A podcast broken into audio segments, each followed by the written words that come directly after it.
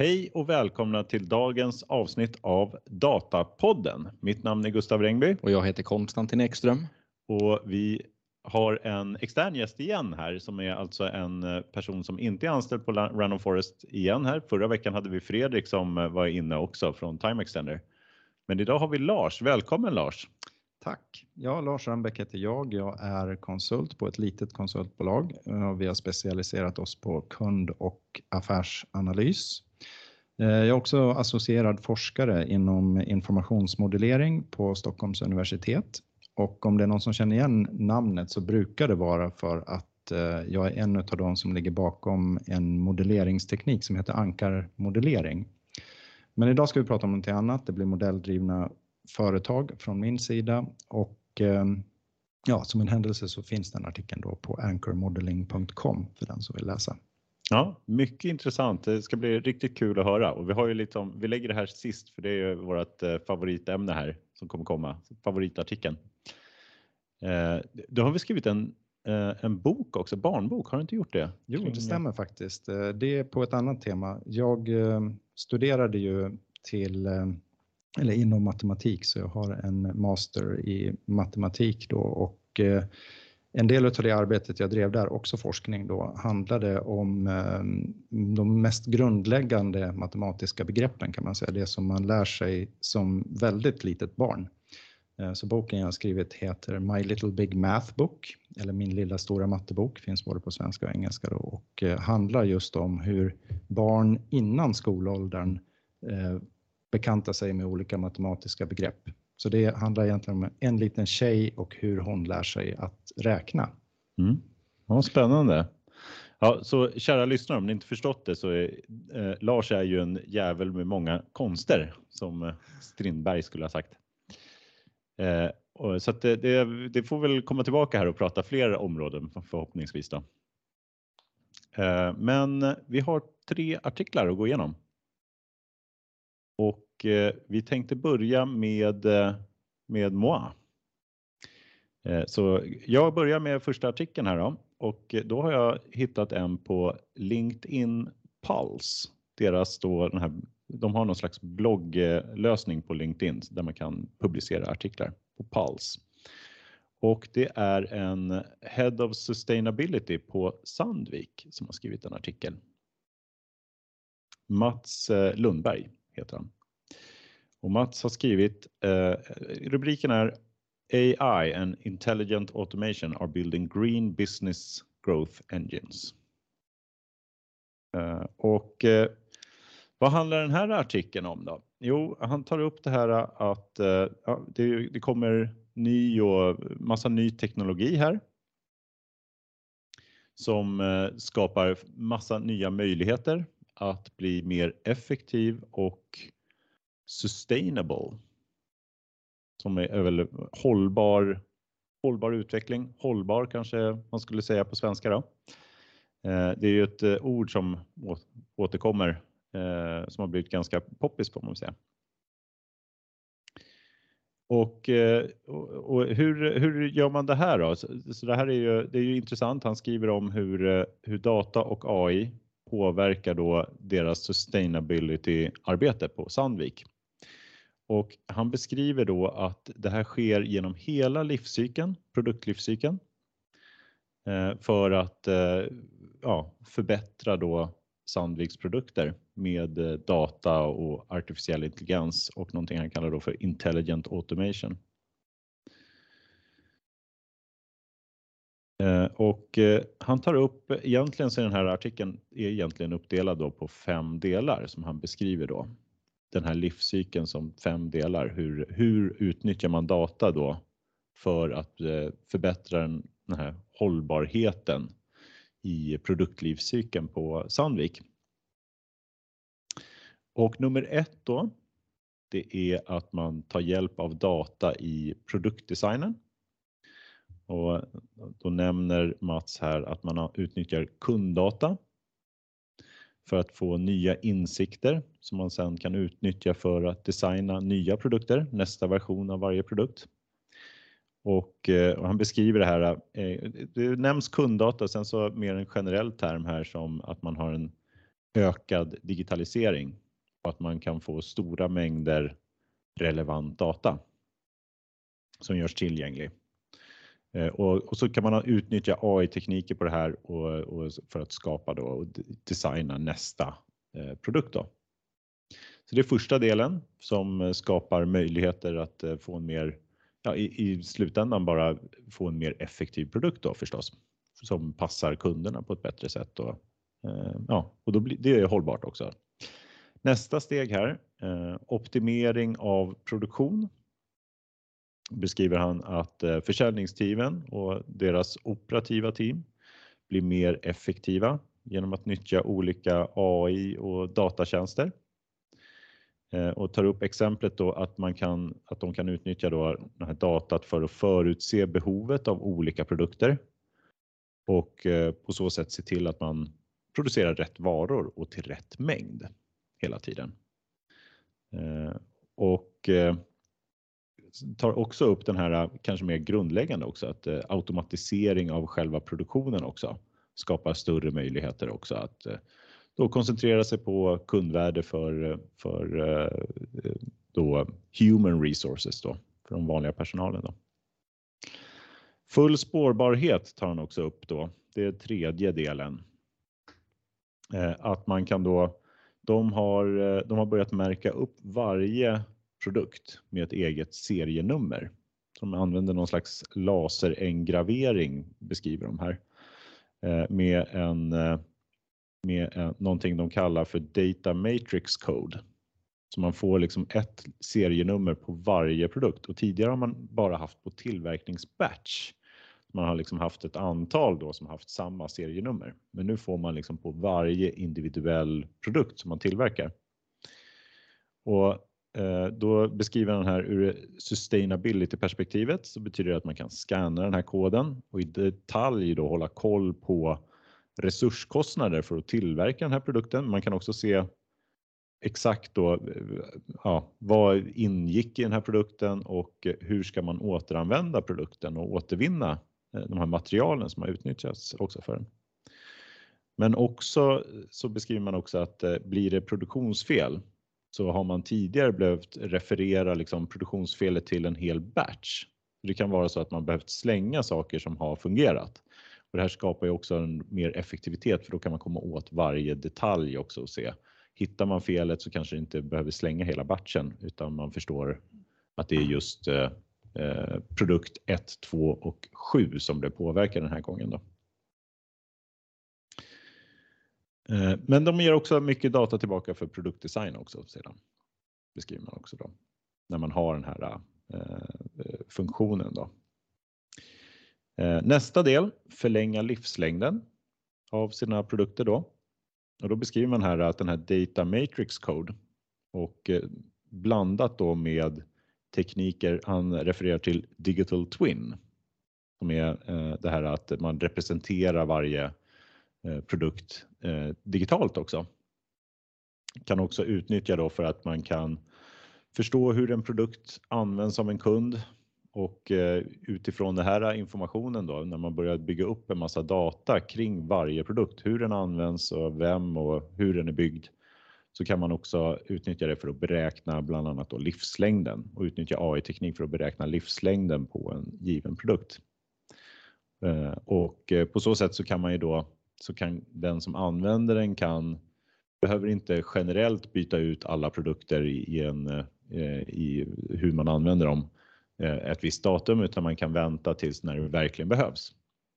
Vilket blir också ett sätt då att förlänga nyttan av varje produkt och bli mer effektiv då. Vilket eh, är bra för miljön och för, ja, det är en hållbar då situation också då. Som sista del så pratar han om återvinningen här också. Och eh, det är kanske lite grann att han tar upp det här innan också, men tar upp det igen som en egen punkt också. Att eh, ja, men genom att man har koll på varje produkt, varje enskild produkt så kan man ännu bättre återvinna produkten också. Att man kan alltid se hur man ska återvinna den här produkten i detalj beroende på hur man har producerat den.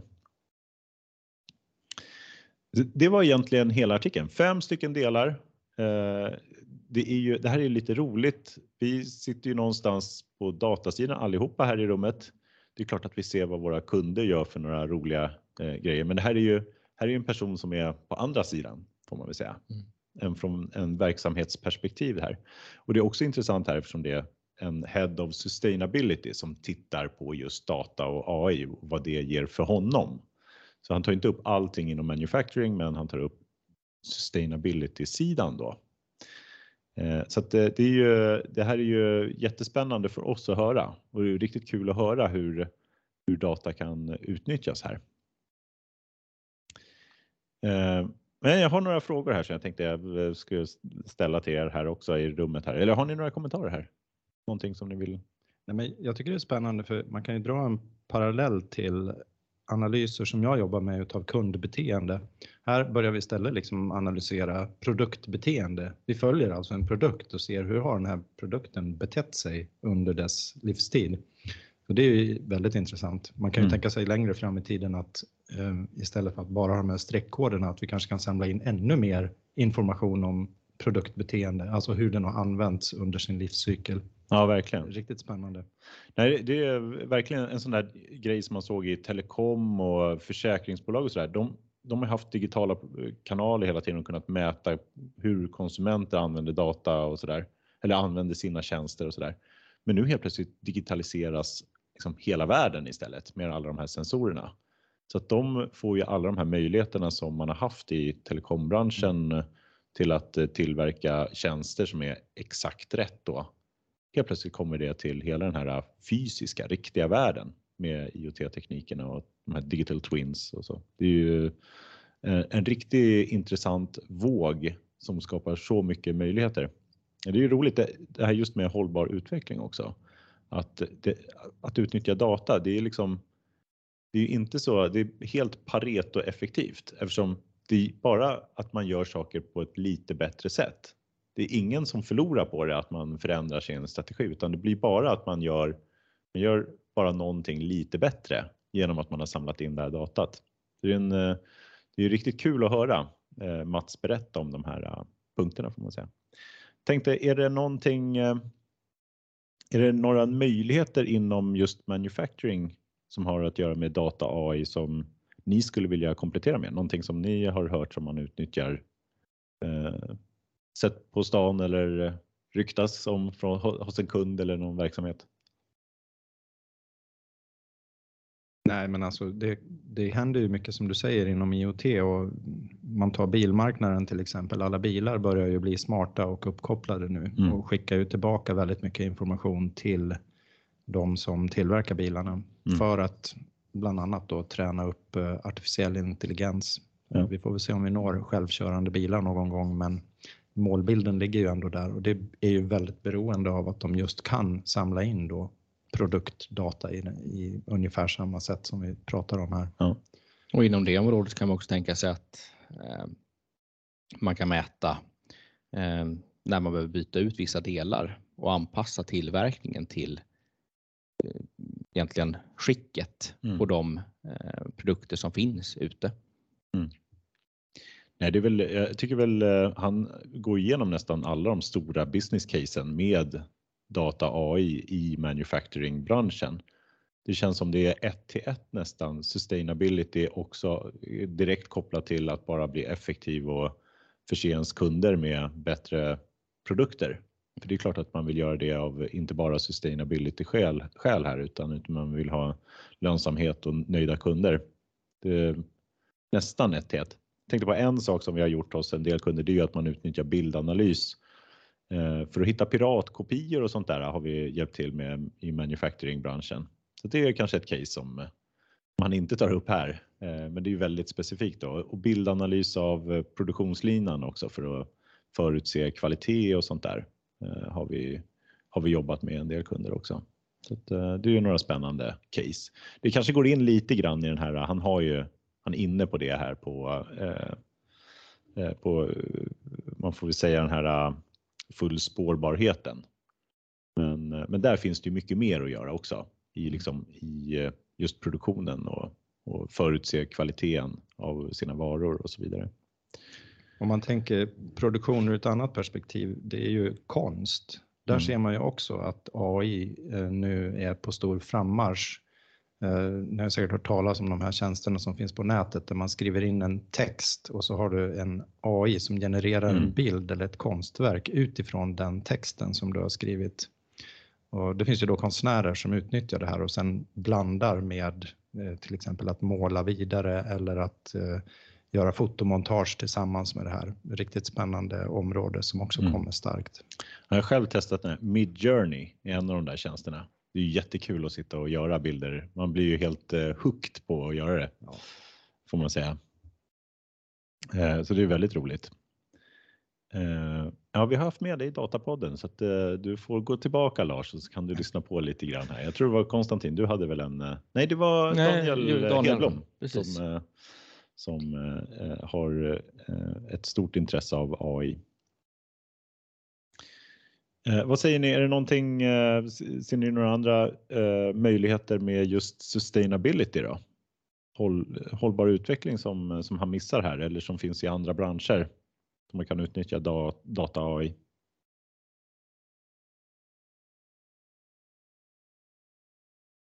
Jag tror som du var inne på att om våra produkter eller enheter eller bilar eller vad det nu är vi använder kan själv diagnostisera med hjälp av AI när vissa delar i dem behöver bytas ut och så vidare. Jag tror till exempel servicebok i bilar, det kommer inte att existera i framtiden. Bilarna kommer att vara intelligenta nog att själv säga till när man behöver ha någon form av service. Det är nästan som att ha en bankbok idag, liksom om några år kanske. Man ska inte behöva ha det. Eh, ja, nej, jag, tycker väl det där det, man får väl säga att eh, ordet eh, sustainability har blivit bra mycket mer populärt med att energi kostnaderna blivit så stora. För helt plötsligt så blir det här en väldigt viktig del för många bolag att satsa på för man vill, man vill ha koll på sina energikostnader. Så blir det av flera skäl då också.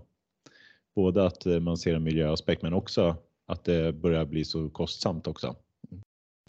Eh, där tror jag vi har eh, flera som jobbar med med den typen av, av situationer där man kan utnyttja väderdata och olika sensordata för att sänka kostnader på sin eh, ja, ventilation eller värme och så vidare i, fastigheter och, och den typen av tjänster. Mm. Det, det, tror jag, vi har flera projekt som ligger och rullar i stort sett. Det var den. Då fick vi en liten inblick här i, i verkligheten. Men eh, eh, jag är klar. Är det någon, någon sista kommentar på den? Jag tror det är en ganska bra övergång till nästa artikel. Mm. Eh, och marknaden, ja den växer ju. Och jag har denna vecka läst en artikel som tar upp hur marknaden för Cloud Data Warehouse kommer att utveckla sig de närmaste åren. Jag har en artikel på Yahoo Finance som är en sammanfattning av en rapport från marknadsundersökningsföretaget Technavio. Och vad de gjort är att de estimerat utvecklingen av sammanlagda intäkter för såväl tjänsteföretag som konsultfirmor och kommit fram till att marknaden förväntas växa med nästan 18 miljarder dollar fram till 2027 med en årlig tillväxttakt på nästan 28 procent. Den största marknaden eh, det kommer vara Nordamerika. Det kommer vara de som är mest drivande i detta. Hela 48 procent av tillväxten kan hänföras till denna region. Så vad är det då som driver den här tillväxten? Och det är ju lite grann det som vi var inne på precis här nu, IoT-enheter. Ehm, det är för allt fler enheter som kopplas upp och då eh, kommer det bli mer data som lagras. Det kommer bli fler typer av data och allt detta ska då analyseras. Och en, ehm, en möjliggörare av detta, denna utveckling, det är just 5G.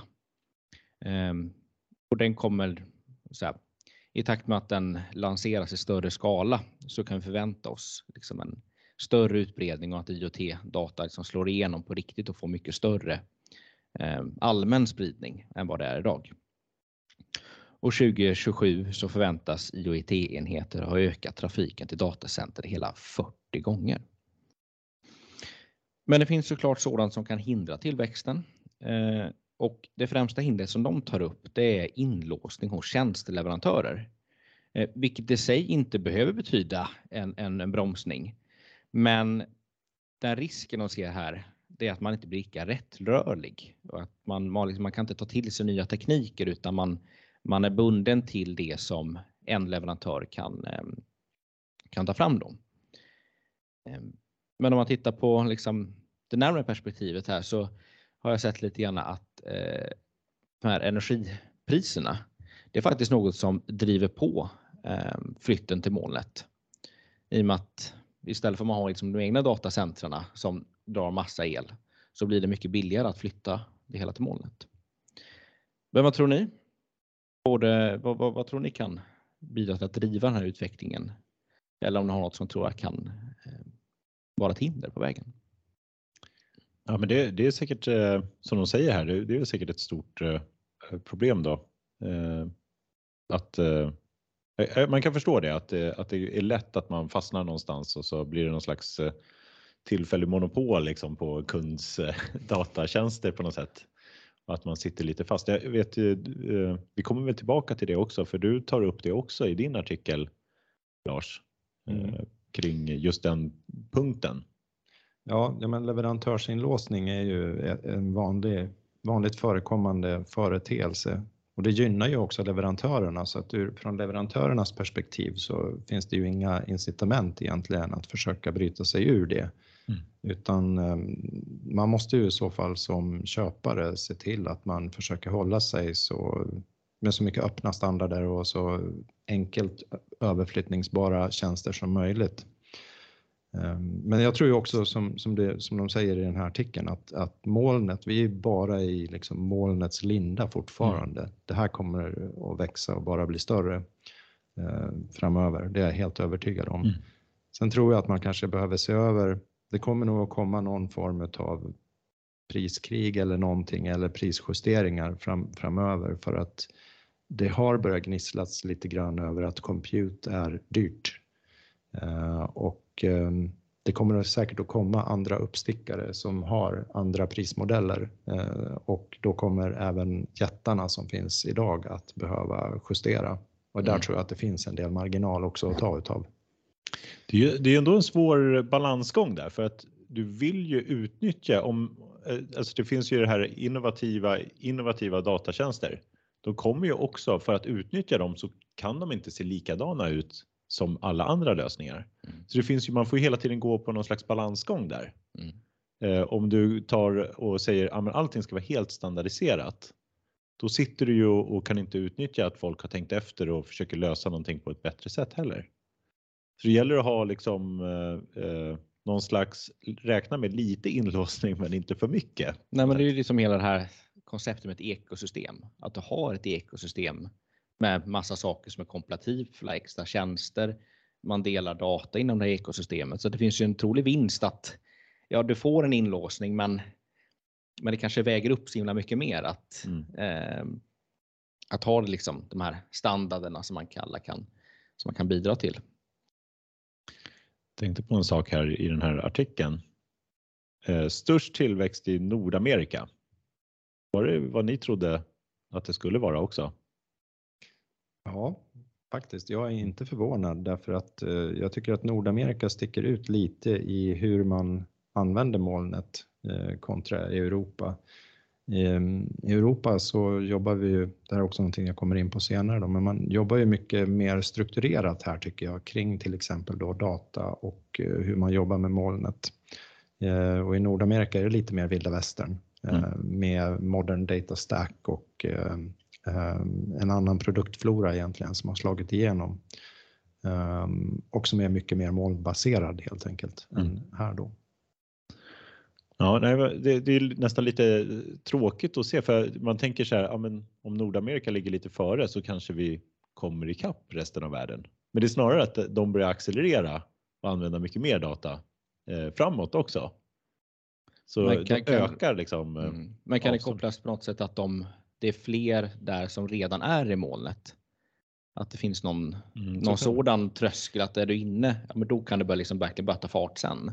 Ja, och sen så är, Sverige finns ju inte med här heller. Jag tror att vi måste ju ändå ligga relativt långt fram i digitaliseringen också. Mm. Eh, så jag tror inte att eh, vi ligger nog närmare USAs utveckling än vad än vad andra delar av världen ligger. För det, Mm. det är ju, det är Men alltså, vi, vi är ett mindre land så att det kan ju spela roll Ja, i precis. de absoluta termerna. Men jag bara drog det här, den här year over year, 27 procent sa de och så var det fem- 48 på eh, Nordamerika. Så om man tittar fem år framåt, då har vi liksom, då har behoven ökat i, i världen med tre gånger. Och i Nordamerika sju och en halv ungefär. Då börjar det verkligen bli, det är Mm. stor skillnad. Mm. Men det här är väl bra för, för oss som är i den här branschen. Det är väl jätteroligt att eh, det kommer inte bli mindre eh, ja, utmaningar framåt. Verkligen. Eh, Några andra kommentarer på det? Nej, jag tror inte det. Jag, jag hade lite svårt att förstå metoden de hade använt här. De beskrev den fast på parent, liksom på den över, eh, liksom eh, någonstans eh, i början av den här texten. Den var lite rörig. Det är ju någon slags att de vill att man ska hämta hem hela rapporten, men det, det var ju mycket intressant information i den ändå. Men de beskriver någonstans hur de gör de här beräkningarna och då säger de att de beräknar någon typ av revenue på tjänster som gäller liksom i att investera i den här typen av lösningar. Det är, så, det är den siffrorna som de tittar på. Typ, I stort sett konsulttjänster och andra tjänster. Mm. Hur stora investeringar som görs varje år. Eh, man, man kan tänka sig det är en ganska svår eh, sak att titta på får man väl säga. Det är många bolag som håller på med lite blandat data warehousing och annat också. Ja, verkligen. Ja, jag menar, nödvändigtvis måste det ju inte vara så att det har sett ut på ett visst sätt historiskt, att det måste se ut så framåt också. Och även om tillväxttakten kanske har varit högre då i USA så kan ju den stagnera i förhållande till andra som accelererar. Mm.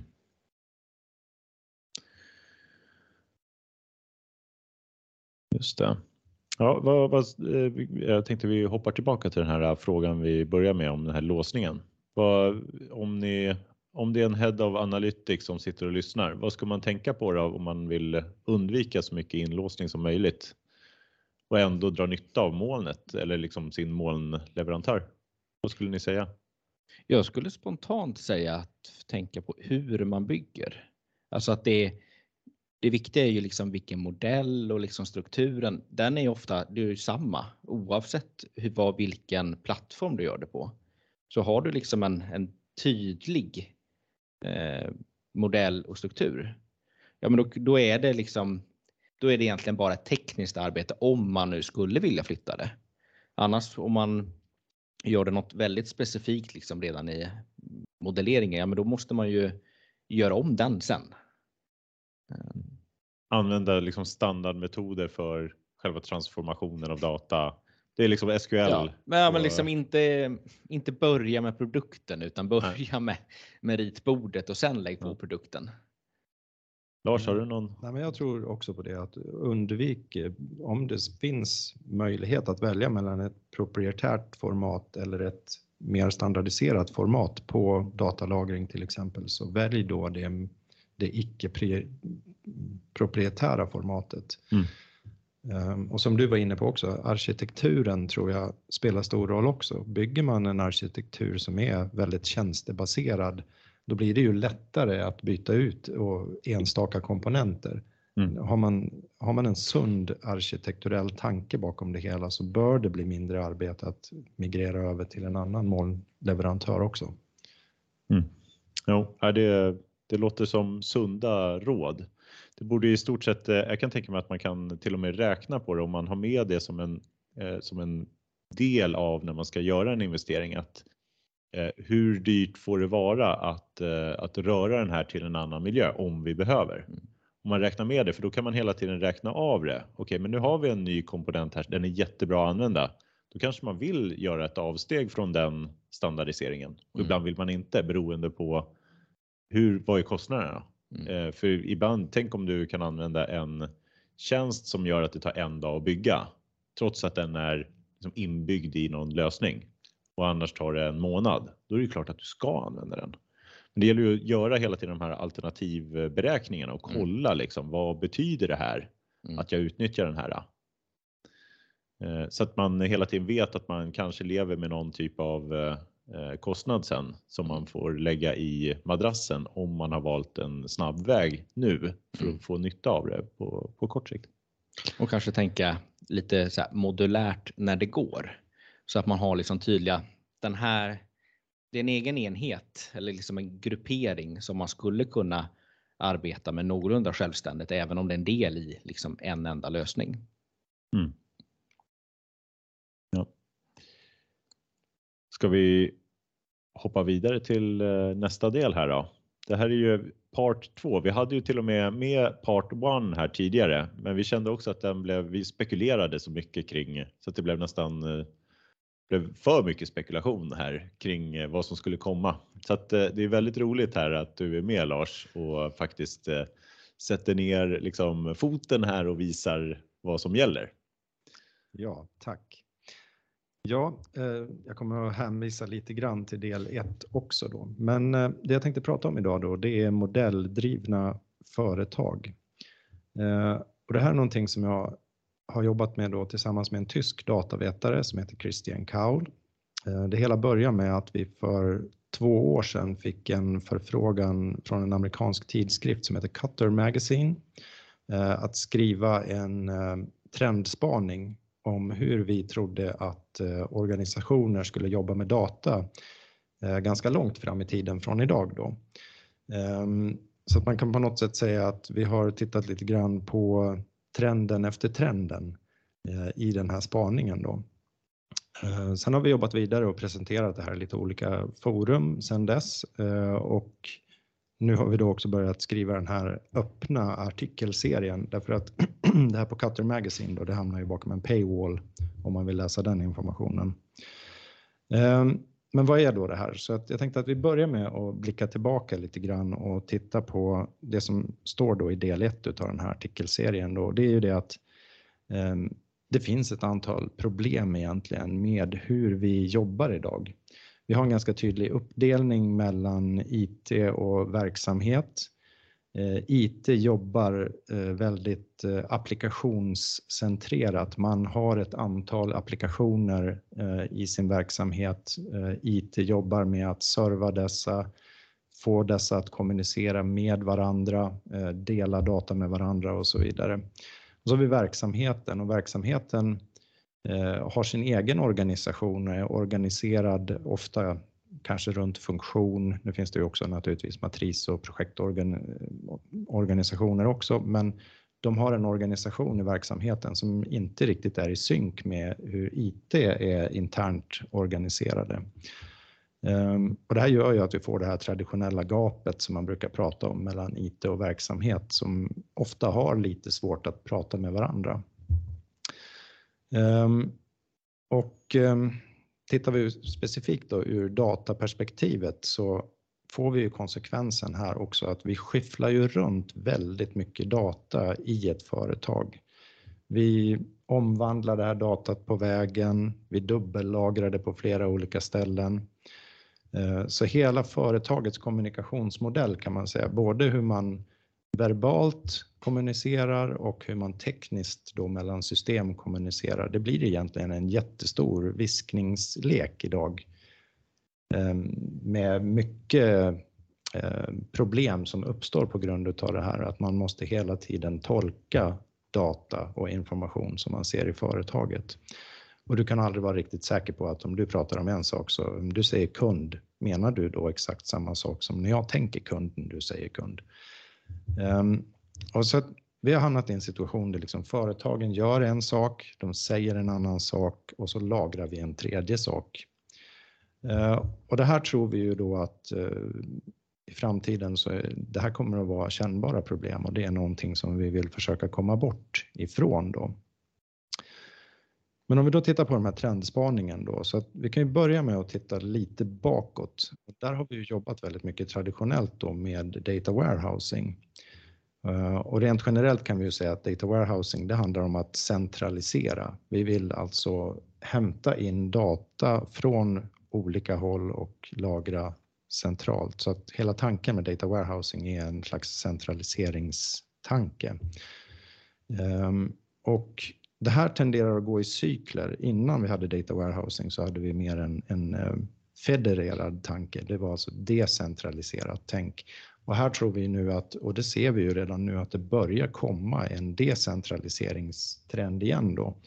Om ni har hört talas om data mesh som är en väldigt populär, eh, kanske den starkaste trenden just nu inom databearbetning, så är den väldigt eh, fokuserad just på den här decentraliseringstanken. Att eh, återigen då ta hand om data på olika ställen i organisationen och minska scopet då eh, och forma liksom delar av organisationen som jobbar med specifika områden, dataområden.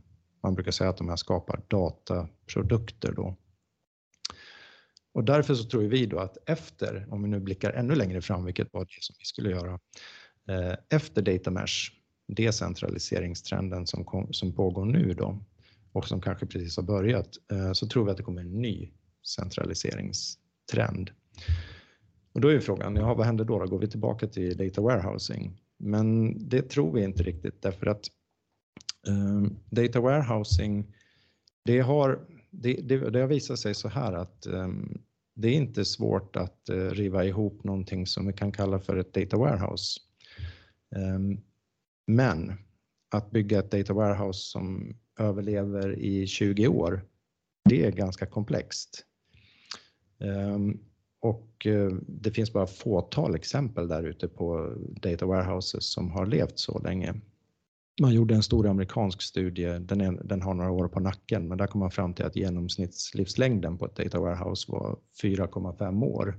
Och det är ju egentligen alldeles för kort tid med tanke på vilken stor investering det är att bygga ett data warehouse.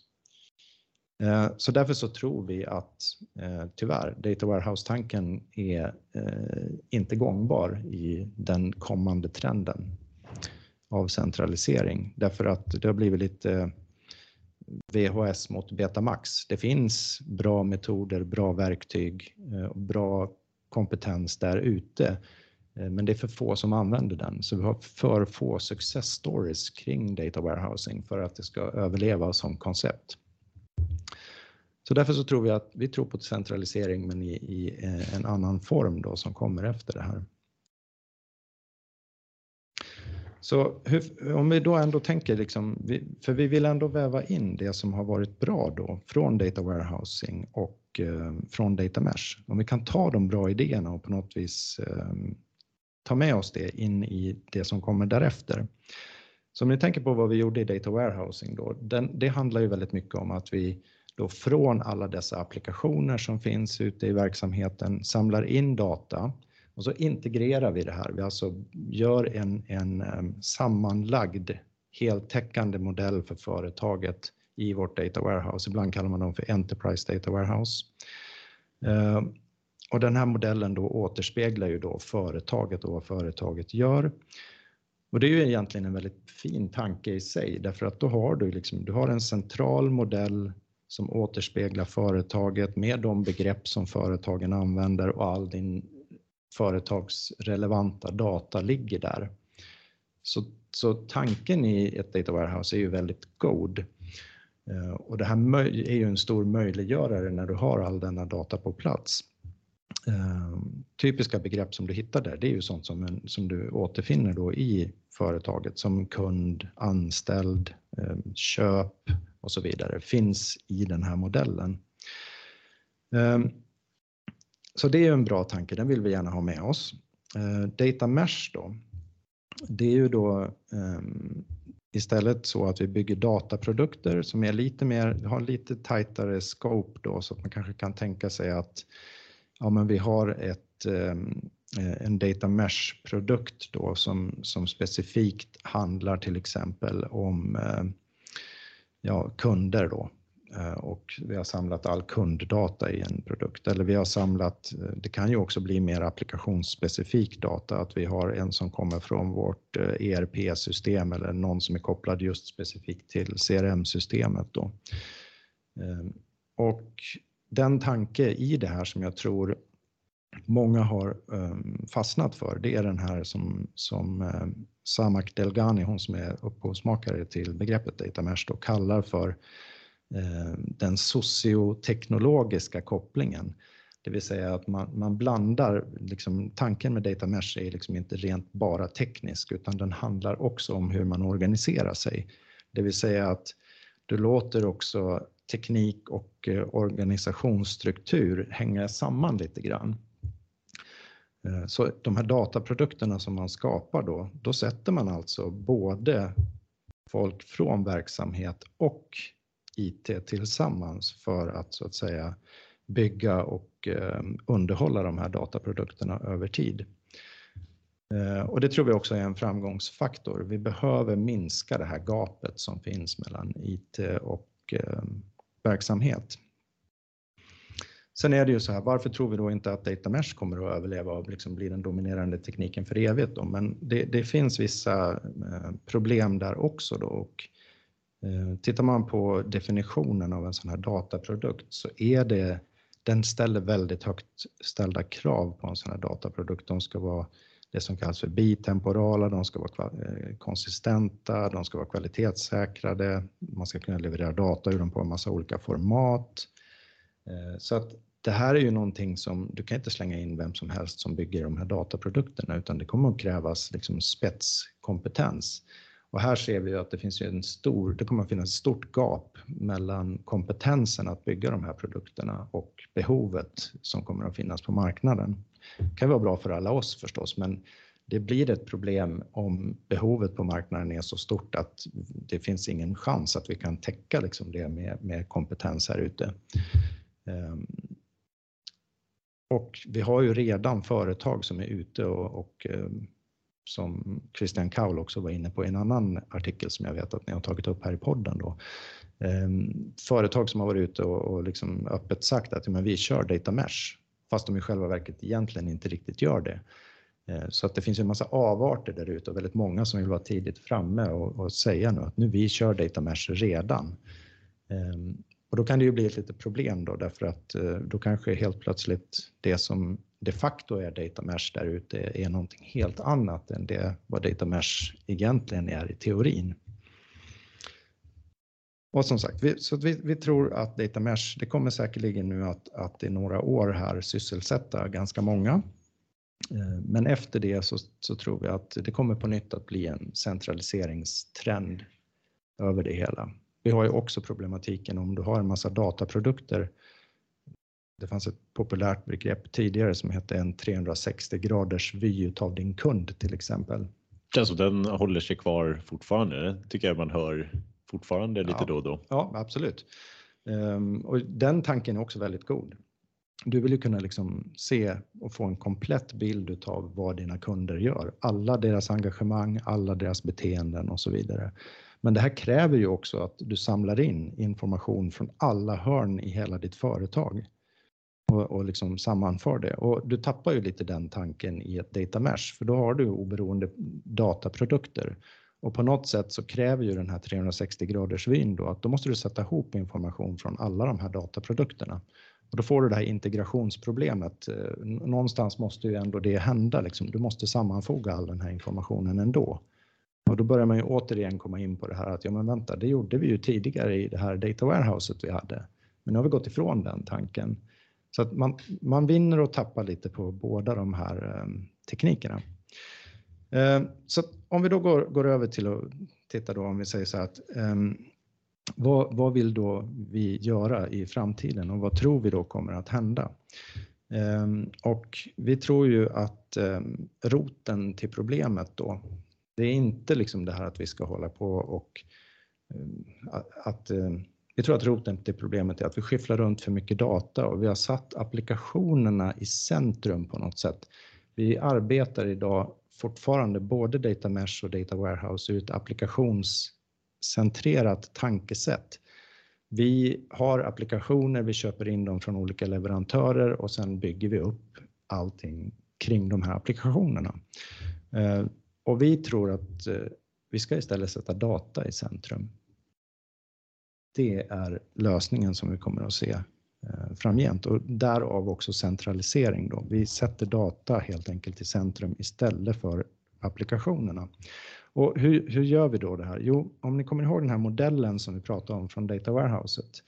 En sammantagen modell som beskriver hela företaget. Vi börjar helt enkelt med den modellen. Det är det första vi gör. Vi, vi har ett företag, nu låtsas att vi har ett nytt företag som ska starta här. Vi börjar med att bygga den här datamodellen av det här företaget. Och när vi har den här datamodellen, först när den är på plats, då börjar vi bygga upp vår organisationsstruktur kring den här datamodellen. Så om vi hade begrepp som kund, anställd och köp i den här modellen, då skapar vi upp team som heter kund, anställd och köp som ansvarar helt enkelt för olika delar i modellen. Eh, så att när de, de teamen gör aktiviteter på företaget så ska det resultera helt enkelt i data som hamnar i en databas där de här begreppen finns. Och då applikationerna också då kommer nu i andra hand. Så att applikationer kommer vi att tänka om hur de fungerar. Applikationerna kommer istället nu att jobba mot en enda central databas. De kommer inte längre att ha egna databaser, utan vi har den här modellen av vårt företag och alla applikationer kommer att läsa och skriva till den istället för att läsa och skriva till eh, eh egna lokala databaser. Och fördelarna med det här då, det är ju det att då gör man på det här sättet. Eh, då har vi ju, vi, vi slipper liksom skiffla runt data, vi behöver inte integrera data. Det här är ju data som redan ligger still på plats från början och är färdig integrerad. Ehm, IT kan ju bli mycket tunnare nu. De behöver bara ta hand om de här ganska tunna applikationerna då som läser och skriver till den här databasen och sen kan övrig IT-personal kan ju beblanda sig då i de här teamen för att eh, jobba då med hur applikationerna skriver och läser data från modellen. Sen är det klart att modellen också över, över tid måste ju uppdateras. Man kommer på nya aktiviteter på företaget i ett team till exempel och så inser man att ja, men nu gör jag någonting som inte får ett resultat som data i databasen. Då finns det ju bara två alternativ. Antingen så, så är det en aktivitet man borde sluta med eller så ska man ju utöka modellen då så att även data från den här aktiviteten hamnar eh, i modellen. Eh, jag tror också att man kommer att hamna, eh, det blir tydligare för alla som arbetar vad deras mål är i organisationen därför att du, dina mål ligger väldigt nära kopplat till någonting som är tydligt mätbart. Det blir data i den här databasen. Du kommer också få mindre inlåsning då mot leverantörer. Om nu leverantörer då övergår till att skapa den här typen av applikationer, då slipper man ju de här inlåsningseffekterna därför att data är någonting som du äger. Du äger ditt företags data. Det sitter inte inlåst längre i en applikation och där leverantören har bestämt hur modell och så vidare ser ut. Och väldigt mycket sådana här arbetsuppgifter som vi har idag kommer ju att försvinna.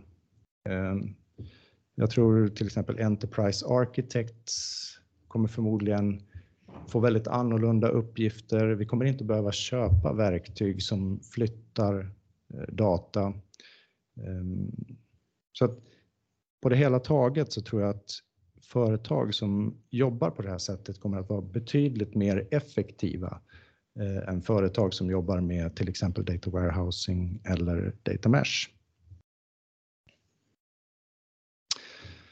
Så på något sätt så kan vi ju säga då att eh, vi tror att den här centraliseringstrenden som kommer då, den blir liksom en hypercentralisering. Det går nästan inte att centralisera mer än vad vi nu ser framför oss. Och det här kan ju låta ganska omvälvande i sig då. Ehm, och varför tror vi då att det här ens är möjligt? Och bara på de två åren som har gått sedan vi först presenterade det här så har det faktiskt hänt en, del, en hel del saker.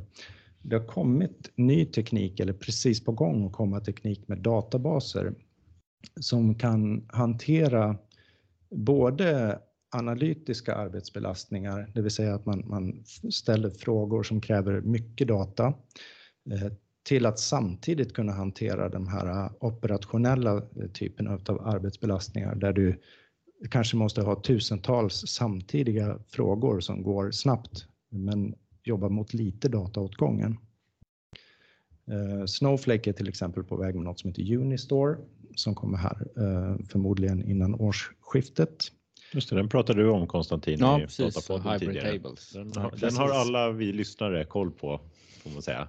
Eller vi kanske har glömt bort det sen dess. Men, ja, ja. Vi är ju inte lyssnare. Nej, just det. Ja. Så vi, vi har skäl att glömma bort eller? Nej. Ja, förlåt Lars. Ja, men det, Fortsätt. och sen det här med tunna applikationer, om vi kallar dem det då, de här som inte lagrar egen data. Eh, Det är också på gång. Eh, Snowflake igen har någonting på gång som heter Native Applications som är precis detta. Det är applikationer där du skriver egentligen logik som går mot data som inte är data som du har bestämt utan kunders, andra kunders data. Då.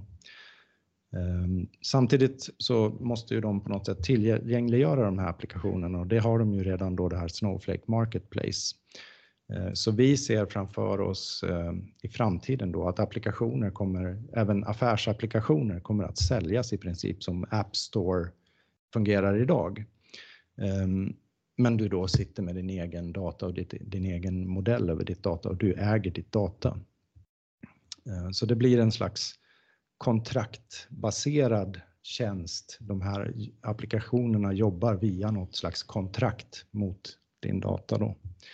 Att eh, det krävs säkert att man gör lite på sin sida för att eh, exponera data så att det funkar med appen och appen ställer säkert vissa krav också då rent kontraktsmässigt. Men det här är ju ingenting som är rocket science. Det här går ju naturligtvis att lösa. Och vi tror ju också då att tittar vi framåt i tiden så vi vet ju att vad händer ute på marknaden? Ja, men det blir hårdare och hårdare och tuffare och tuffare för företag att, att överleva. Eh, och anpassningsbarhet tror vi kommer att vara en av de framgångsfaktorer som finns i framtiden. Och har du då ett, ett företag där hela ditt bolag är, är väldigt effektivt uppbyggt kring den här typen av eh, modell eh, så blir du ju också väldigt snabbt och agil och anpassningsbar. Tittar vi rent kostnadsmässigt också så det här effektiviteten gör ju att du kan skära ganska mycket kostnader. Eh, Och där ser vi ju också att vi ser ju en ekonomi framför oss där förmodligen också företag kommer att behöva dra åt svångremmen lite grann. Eh, Riskkapital är ju också någonting som går i cykler. Just nu har vi varit, haft en våg där vi har överflödats nästan av riskkapital också inom, inom data.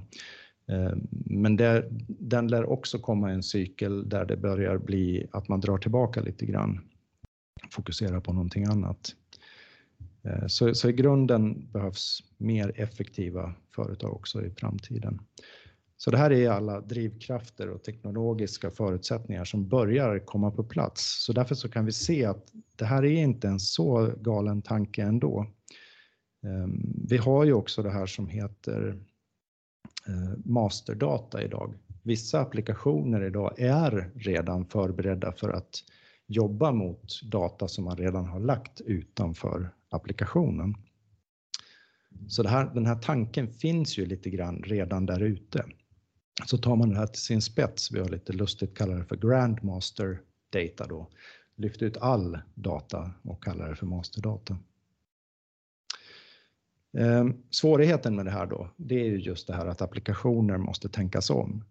Och här, här ser vi ju liksom att det här är nog ingenting som existerande leverantörer direkt snabbt ställer om, utan förmodligen är det uppstickare. Om Snowflake till exempel blir framgångsrika med sin App Store kommer det säkert att komma in massor av eh, nya uppstickare som eh, kommer att leverera applikationer på de här App Stores.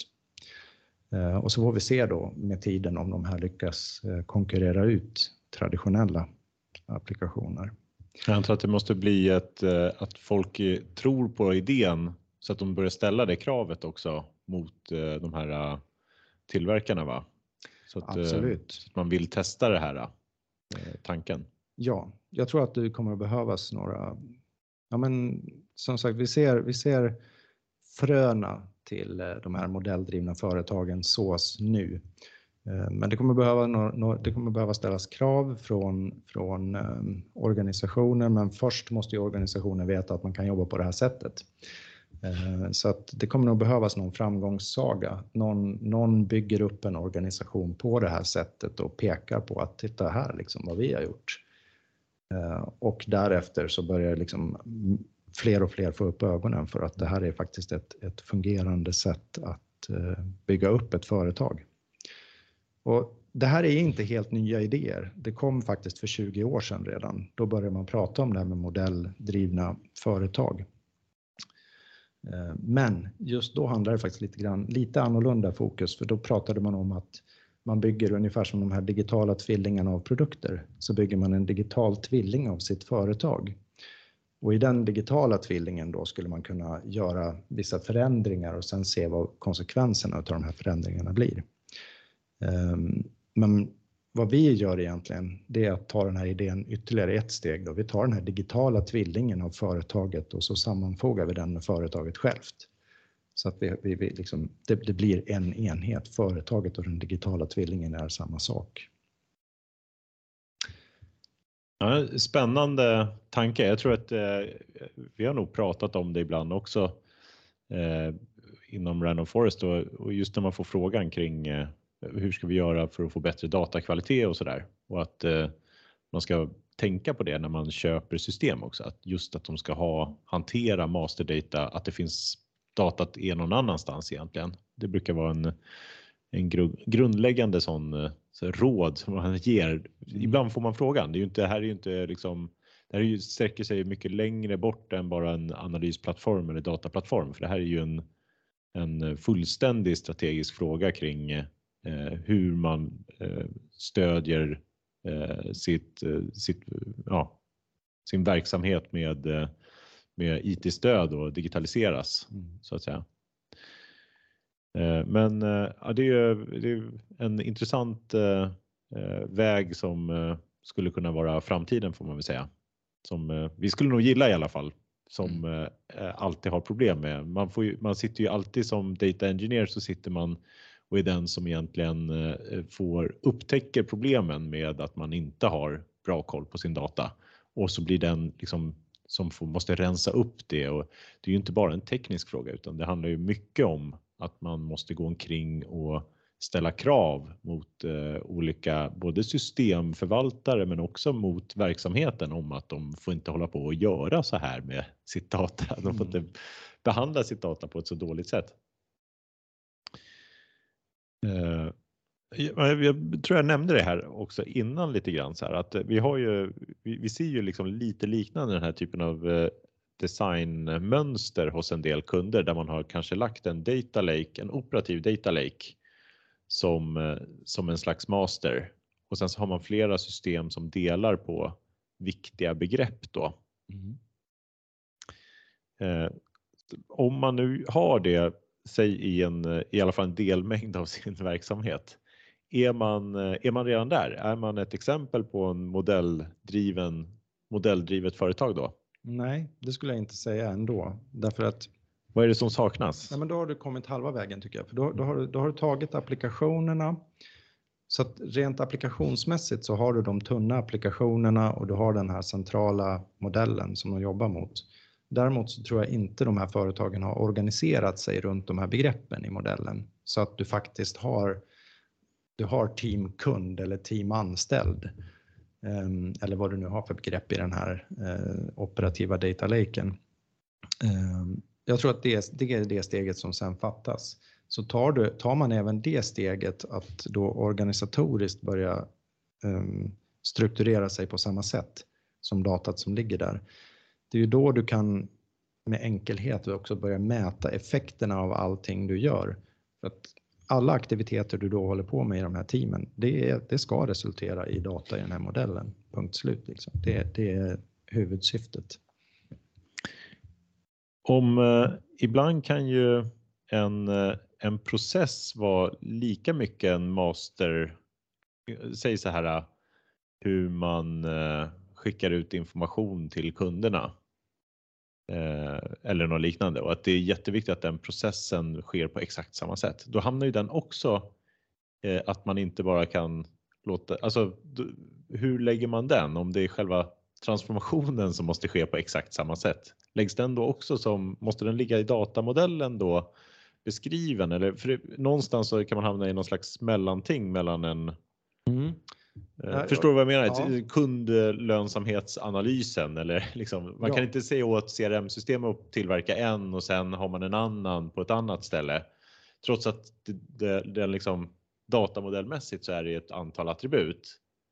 Ja, hur, hur, hur, hanterar man det? Nej, men, och där har ju vi då ett, när vi säger den här sammantagna eh, Eh, företagsövergripande modellen, då, då, menar vi egentligen mer än bara just eh, det som vi traditionellt sett tänker på som en datamodell. Vi ser den som det mer omfattande beskrivningsramverk också.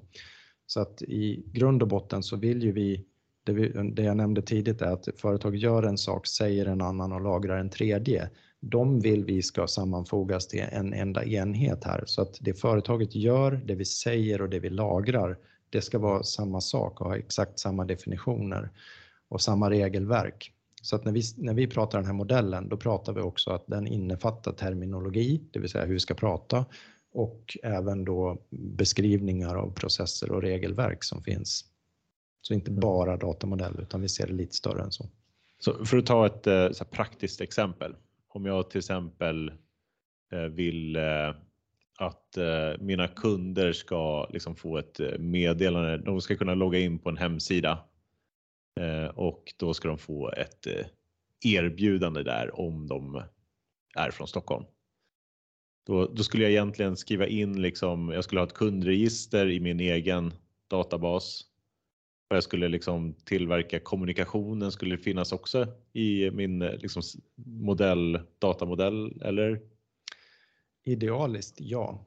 Och sen så skulle jag liksom eh, bygga ett lager där ovanför som, eller en webbportal då, ja. eller något sånt där som, som kan hämta data hela tiden när någon vill logga in och så vidare. Ja, precis. Vi, skulle, vi ser egentligen, ju tunnare de här applikationerna är, desto bättre. Mm. Eh, och eh, det finns ju sätt idag att skriva, det finns något som heter Model Driven Development också, att man kan bygga applikationer som egentligen är väldigt tunna, som i princip då hämtar eh, både hur de ska layouta sig själv och så vidare från data. Sen, sen har vi också, vi skriver även i den här artikeln då att vi, vi kan ju även tillåta viss typ av data att ligga kvar i applikationer om vi har data som bara har att göra med hur hur liksom presentation eller konfiguration av mm. applikationen är så kan vi, låta, vi, vi, kan tillåta att det får faktiskt ligga kvar i, i någon lokal konfiguration, fil, databas eller vad nu de har de här applikationerna. Ja, det måste ju vara så när man väl, om man ska till, eller jobba på den här modellen så blir det alltid en pragmatisk situation där man får liksom ge och ta på något sätt antar jag. Ja, precis. Och jag tror att um, ska man, de företag som nu vill hoppa på det här de kommer nog att vara företag som är relativt nystartade eller står i startgroparna och som kan tänka sig att göra en del egenutveckling, att sitta med egna utvecklare. Mm. Eftersom vi har inte den här applikationsfloran än idag. Mm. Eh, och det kommer att vara, som du också var inne på där, det kommer att vara omöjligt som leverantör att sitta och bygga en applikation som är helt så att säga heldynamisk. Där, då, då räcker det i princip att bygga en applikation så, har, så funkar den mot eh, liksom bara ja. att läsa allt från din data om hur den ska funka själv. Och där, dit kommer vi nog inte att komma i närtid.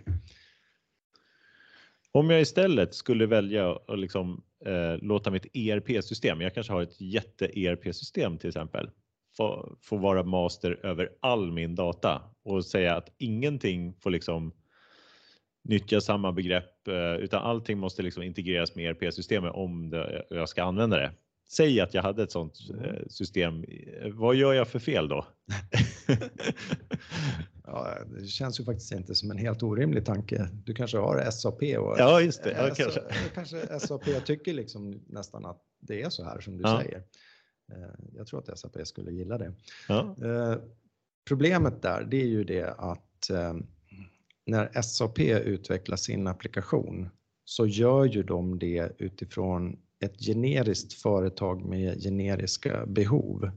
Och det är ju det vi måste komma ihåg. Alla som har byggt data warehouses eh, har ju insett, tror jag, att alla företag är ju olika.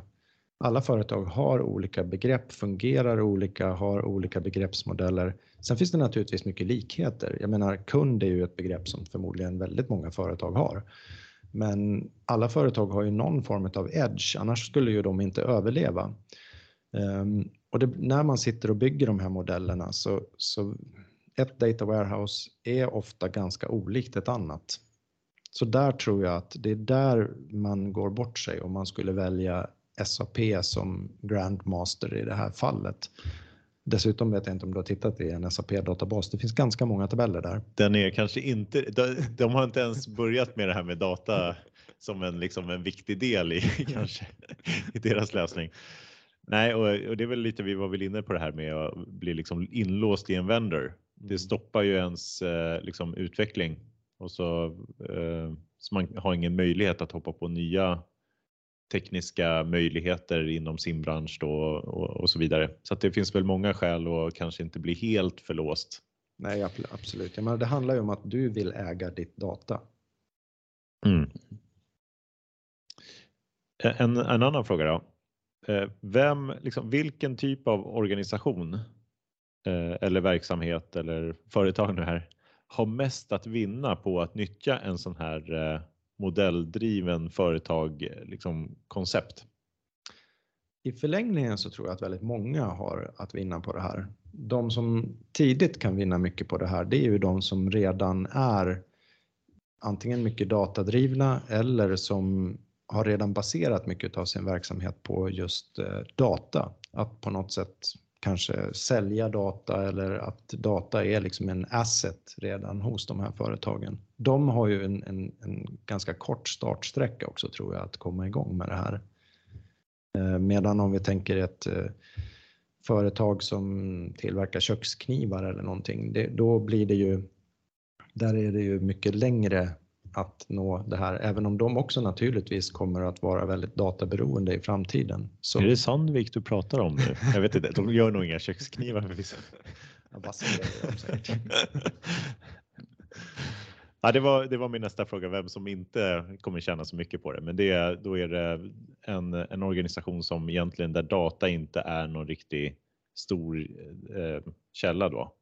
Så vi är ju till exempel liksom ingen stor datadrivet, för vi har inte så mycket data när man är en liten eh, organisation får man väl säga.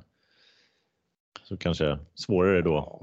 Ja, om vi tar ett konsultföretag som exempel, jag menar det är ändå rätt mycket här. Jag menar vad, vad, vilka kunder sitter ni hos, hur många timmar debiterar ni och så vidare. Det är ändå ganska mycket data som är viktigt för ett eh, konsultföretag. Så, att, um... så har vi de här sensorerna också som vi har installerat. Men det är ju nu. Nu, avslöjar du invigningsritualen här. Så. Vi klipper bort det. Men jag, jag, undrar lite gärna rent konkret liksom. Okej, okay, man vill hoppa på det här, man vill börja. Hur gör man? Samlar man liksom process processingenjörer och, och eh, arkitekter i samma rum och sen så ritar man ihop liksom processkarta organisationen och, datamodellen samtidigt? Eller hur, liksom, hur tar man sig dit? Ja, det, här är ju ett eh, beslut som måste tas på allra högsta nivå eftersom det är, vi pratar om att man ska omorganisera sig helt och hållet inom företaget. Och för ett existerande företag så tror jag att den enda vägen, särskilt om du är ett företag som är, är liksom medium eller, eller large, då, då måste du ju förmodligen börja om på något sätt. Eh, jag tror det är svårt att liksom bara eh, gradvis gå in i det här. Det är nog bättre i så fall att starta upp liksom en, en, ett parallell, en parallell till ditt bolag där du börjar jobba på det här sättet och, och till den parallellen flytta gradvis istället över eh, den existerande verksamheten till det då. Ehm, och ehm, naturligtvis som du var inne vilken typ av kompetens krävs? Ja, men självklart så kommer det att krävas duktiga modellerare. Så att alla som har suttit och tidigare modellerat data warehouses eller som kanske idag sitter och modellerar dataprodukter i data mesh, de kommer fortfarande behövas. Jag menar, det är ju, den typen av kompetens behöver finnas då. Så är man en duktig utvecklare och arkitekt så kan man gå över till HR sen? Möjlig karriärväg. Ja. Nej, men alltså, de, de facto är det ju så att det kommer ju också försvinna en del. Eh, jag menar, är du superdjup ETL-expert, det finns inte ETL till exempel i ett modelldrivet företag så att eh, det, det är ju kompetens som i så fall. Det blir väl någon typ av integration i alla fall, för du måste ju ändå integrera med alla de här eh, affärssystemen som du de, Absolut, som ska- det är det som jag sa då, det blir mer kontraktsbaserad. Man får sätta upp kontrakt mellan appar och, och den här centrala databasen på hur de ska liksom, prata med varandra. Sen, sen är det ju också en annan sak som vi också nämner i artikeln som jag inte nämnde nu då, det är ju det att kommer fortfarande finnas extern data som du vill få in kanske och berika ditt eget data med. Så där blir det ju lite ETL-ande ändå. Jag antar, du behöver fortfarande en analyslösning där du, för att du, det här är ju, du lagrar ju för operativ, för att det ska fungera bra för liksom, operativt. Så du behöver fortfarande någonstans kunna ha den här möjligheten att eh, sätta upp eh, ja, en analyslösning och titta på eh, datat ur ett annat perspektiv. Så jag antar, någonstans så finns det ju kvar lite sånt arbete. Det kanske inte är så mycket att man flyttar data, men ändå eh, det är ju flytt, själva flyttdelen är ju ganska liten egentligen Mm. av vårt arbete. Utan det är mer att transformera för olika typer av frågor. Ja, ja men idealiskt så har du ju då, då redan en modell här som återspeglar din, din verksamhet så att du skulle ju kunna ställa dina analytiska frågor mot den här. Men jag tror ju också, precis som du säger, att ska du räkna ut ett livstidsvärde för en kund, då vill du ju spara den liksom uträkningen sen, resultatet någonstans. Det ska ju också gå in i den här modellen. Så att, att göra, att förädla information och skapa beräkningar och så vidare, det kommer ju fortfarande att finnas kvar. Och du vill ju koppla på någon form av analytiska verktyg på det här. Det är ju jätteviktigt och det är centralt att du då kan följa det här. Vi tror ju att har du det på det här sättet, då får du ju i princip realtidsmöjlighet också att följa vad som händer. Ehm, och, och till skillnad kanske från ett data warehouse där du, ja, du, du har kanske daglig uppdatering, du har några analytiker som sitter och matar tillbaka information till grupperna, Ledningsgrupperna sitter och väljer ut det gottaste och presenterar i en kvartalsrapport högt, högre upp till styrelsen och så vidare. Så att egentligen har de möjlighet att göra actions bara en gång i kvartalet om det skulle behövas. Idag, här pratar vi ju liksom omedelbar återkoppling. Vem som helst i organisationen kan när som helst gå in och se exakt vad det är som händer. Mm. En sak som eh, pekar på att det här kan vara en intressant eh, lösning, det är väl, eh, eh, jag tänkte på Chief Data Officer. Det fanns väl inte för ett antal år sedan och blir mer och mer vanligt. Alltså att man ser det från en ledningssida att data också får eh, ha en mer central roll i organisationerna. Mm och om en sån Chief Data Officer börjar ställa sådana här krav så kanske man åtminstone, det, kan, det är nog svårt som du säger att ta en befintlig lö, liksom, organisation eller verksamhet och, och införa det här. Men eh, åtminstone ta steg åt den här riktningen och ha det här lite som, ett, eh, som en, eh, en tanke. Ja, Men finns det inte en liten motsättning? Alltså för när du är ett stort företag, då är det ofta möjlighet, alltså resurser och möjligheter att, att låta eh, applikationerna anpassas liksom efter vad du behöver och vill organisera sig. Men när man är ett litet företag, ja, då är man ganska utlämnad till de generella så att men vi vill arbeta på det här sättet. Ja, men det går inte. Eh, hur, hur ska man se på det? Ja, men då kanske det är så att det, det lilla bolaget då, om inte de gör någon hyperkomplex, om inte de är, är liksom extremt eh, unika, så har de säkert många likheter med många andra små bolag.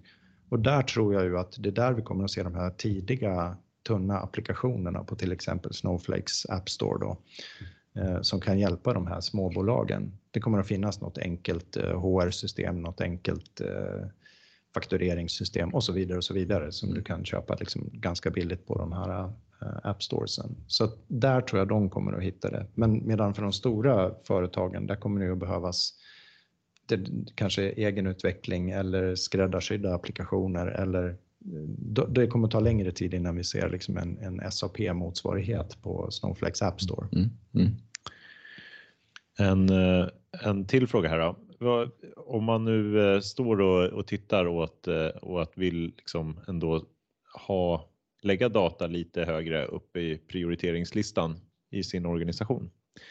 Är det svårare eller lättare i, i de här, att tänka de här banorna om man har få gigantiska applikationer eller massa småtjänster? För det är ju ändå två olika eh, arbetssätt som, som man ser ute i bland organisationer idag. Mm. Ja, du tänker liksom typ monolit SOA mot, mot eh, microservices. Liksom här, ja, jättestora. Mm. Vem kommer ha lättast eller svårast? Ja, en klurig fråga faktiskt. Um, det, om det är liksom de här monoliterna som sitter till exempel med SAP då. Om vi, om vi tar ett sådant företag, de har SAP och Sibel och då, då har du två jättegiganter eh, direkt. Eh, jag tror ju att där kommer det nog vara lite knepigt faktiskt att ta sig ur det. Du kan ju liksom inte, det är svårare att bryta ut delar där. Mm. Um, kan inte börja lite långsamt sådär? Nej, det går liksom inte riktigt. Uh, och, och, de är ju förmodligen ganska uh, leverantörsinlåsta också. Mm. Um, och har säkerligen då ganska komplexa uh, ramverk redan för att få ut information ur Sibel och SAP då och för mm. att kunna överhuvudtaget analysera vad det är som händer. Så att Eh, de har ju säkert byggt upp då både en teknik och en organisations och personalstruktur som är ganska stor och omfattande kring det där. Då tror jag att de här microservices-företagen mer lättfotade mm. och lättare kan ta, ta sig eh, in i det här. Mm. Har du något eh, praktiskt exempel på någon organisation som du skulle säga det här är liksom ett flaggskepp eh, som efterliknar i alla fall en, en modelldrivet eh, företag? Alltså vi var ute då och sökte med ljus och lykta när vi skrev den första eh, eh, artikeln då eh, och då hittade vi ju några. Det finns Hitachi faktiskt är eh, ett företag som själva i alla fall hävdar att de kör det här spåret. Ehm, så att det är nog det enda jag vet om som publik där ute och säger att vi är ett modelldrivet företag. Um, är det här, får vi lite så här förhandsinformation nu från, för jag vet att det, eh, det står ju här i artikeln att det kommer en del 3 och 4. Så att eh, här, bara för Datapodden så. ja, men del 3, del 3 och 4 då. Del 3, där kommer vi att kontrastera då eh, det här med modelldrivna företag mot andra befintliga tekniker lite mer mm. då. Eh, och sen så kommer vi att behöva gå in mer på hur för det har vi inte heller tagit upp i de här två första artiklarna. Hur gör man helt enkelt rent praktiskt då för att ta sig till det här modelldrivna företaget om du är ett existerande bolag idag? Eh, och där har vi, vi har gjort lite powerpoint-presentationer och så som vi har hållit kring det här så vi, vi har lite material kring ja, det. säg det, inte mer. Nej. Eh, vi håller det som cliffhangers. Kanske du kan komma tillbaka här då när du har släppt part tre eller så. Ja, men då har vi ju två tillfällen där du ska komma tillbaka. Också. Ja, ja jag hörde i alla fall att Lars tackade ja till det här i, eh, så det, det är ju uppenbart att det är så att han lägger tid här och kommer tillbaka. Absolut, det gör så gärna. Toppen. Ja, nu har vi suttit här och pratat. Eh, det blev nog ett längre avsnitt än vanligt, men det var ju väldigt roligt att ha den här eh, genomgången. Och vi har ju fått lite svar tror jag som vi funderade kring i förra gången när vi gjorde det här själva då med part one här av den här Eh, modelldrivna företagskonceptet. Det ska bli väldigt spännande att höra fortsättningen här. Då. Ja. Absolut, absolut. Det ska bli jättekul att se när det kommer ut. Men eh, om det inte är några fler, har ni några ytterligare slutord här? Eller ska vi? Jag tänkte bara om det finns någon nu som lyssnar och känner att de är på gränsen till att vara ett modelldrivet företag så får de ju väldigt gärna flagga upp det då. Det är en bra idé. Ja. Då kan ni kontakta eh, Lars at uptochange. Uptochange.com. Eller skicka till mig, gustav at randomforest.se så skickar jag vidare. Eh, så det går alldeles utmärkt. Eh, tack så jättemycket Lars. Tack själva. Då säger vi tack till er lyssnare också som har lyssnat. Och så avslutar vi här. På återseende. Hej då!